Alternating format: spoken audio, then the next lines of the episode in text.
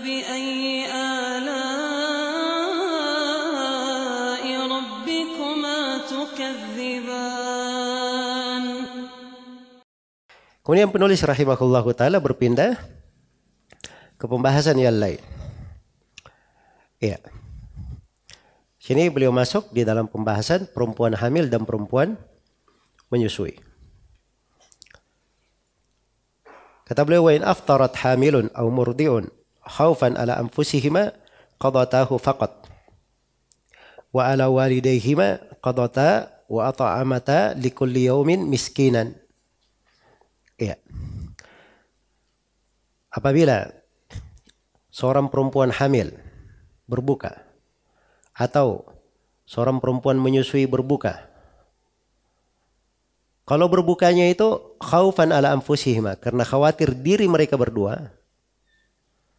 Qadata, maka keduanya membayar qada saja. Hanya mengganti puasanya saja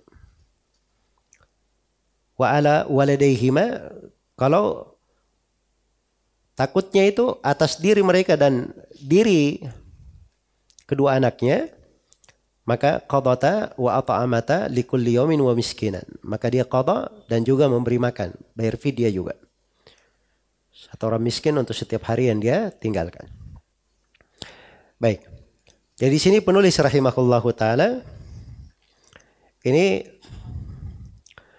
memberikan rincian untuk perempuan hamil dan perempuan menyusui. Jadi kalau perempuan hamil dan perempuan menyusui itu berbuka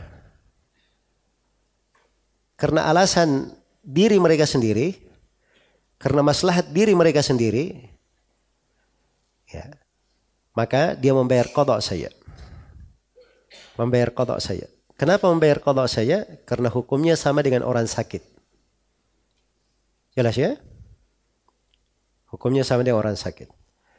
Tapi kalau dia berbuka, itu untuk maslahat anaknya, iya, khawatir akan anak yang dia susui, khawatir akan janin yang dia kandung, bisa membahayakannya, maka di sini dia mengqadha sekaligus apa?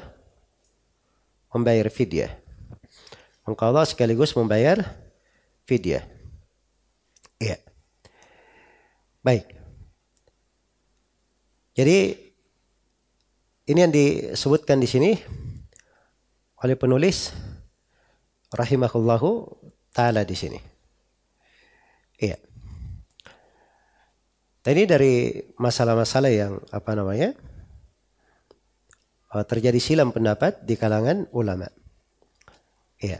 Tapi secara umum yang pertama yang perlu saya terangkan di sini perempuan hamil dan perempuan menyusui ini dari orang-orang yang dapat udur untuk boleh tidak berpuasa. Boleh untuk tidak berpuasa. Karena telah syah di dalam riwayat Imam Lima dari Anas bin Malik Al-Ka'bi Nabi sallallahu alaihi wasallam bersabda inna Allah wada'a siyam anil hubla wal murdi. Sungguhnya Allah meletakkan puasa dari orang yang hamil dan orang yang apa?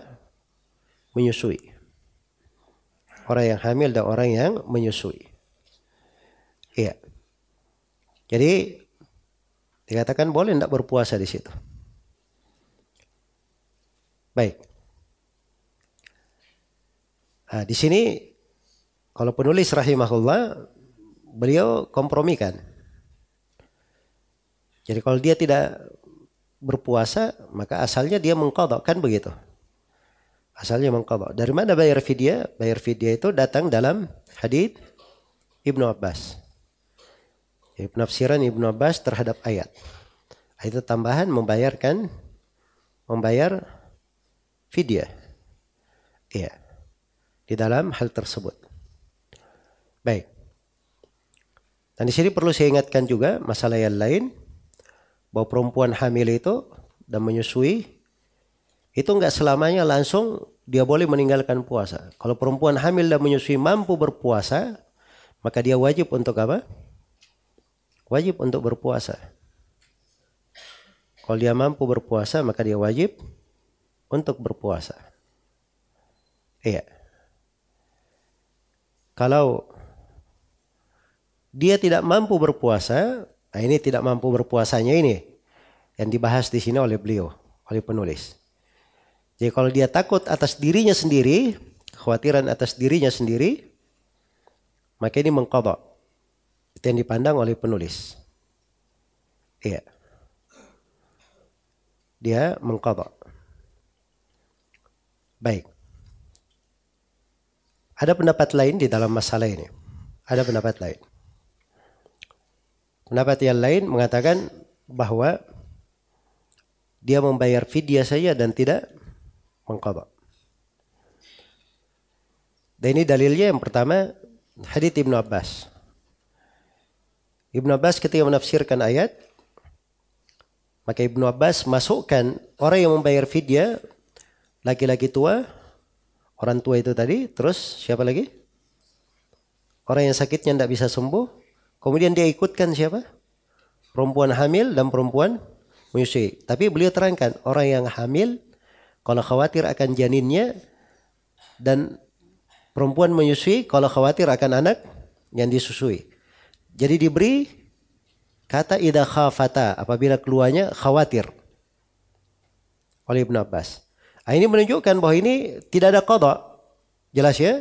Karena orang tua yang ikut bersamanya itu orang tua dan siapa? Hah? Orang tua dan orang sakit yang tidak bisa sembuh dan mereka tidak ada tidak ada kodok. Dan Ibnu Abbas memang tidak menyebut fidyah. Apa namanya? Tidak menyebut kodok, hanya menyebut apa? Fidyah saja. Nah, di fatwa Ibnu Abbas sendiri, Ibnu Abbas hanya memberi fatwa membayar fidyah. Demikian pula Ibnu Umar. Ibnu Umar hanya memberi memberi fatwa membayar fidyah saja. Tidak mengqadha. Dan Syekhul Islam Ibnu Taimiyah menyebutkan juga dari Abu Hurairah. Dari Abu Hurairah. Iya. Dan ini kata Syekhul Islam Ibnu Taimiyah membayar fidyah tidak mengqadha itu datang dari tiga orang sahabat ini dan tidak ada yang menyelisihi mereka. Tidak ada yang menyelisihi mereka. Baik. Karena itu sebagian ulama yang berkata bahwa memang Ibnu Abbas tidak sebutkan membayar mengqadha karena itu sudah dimaklumi. Makanya Ibnu Abbas tidak sebutkan. Maka ini bertentangan ya dengan apa yang dipahami oleh Syekhul Islam Ibnu Taimiyah. Karena Syekhul Islam Ibnu Taimiyah berkata tidak ada sahabat yang apa?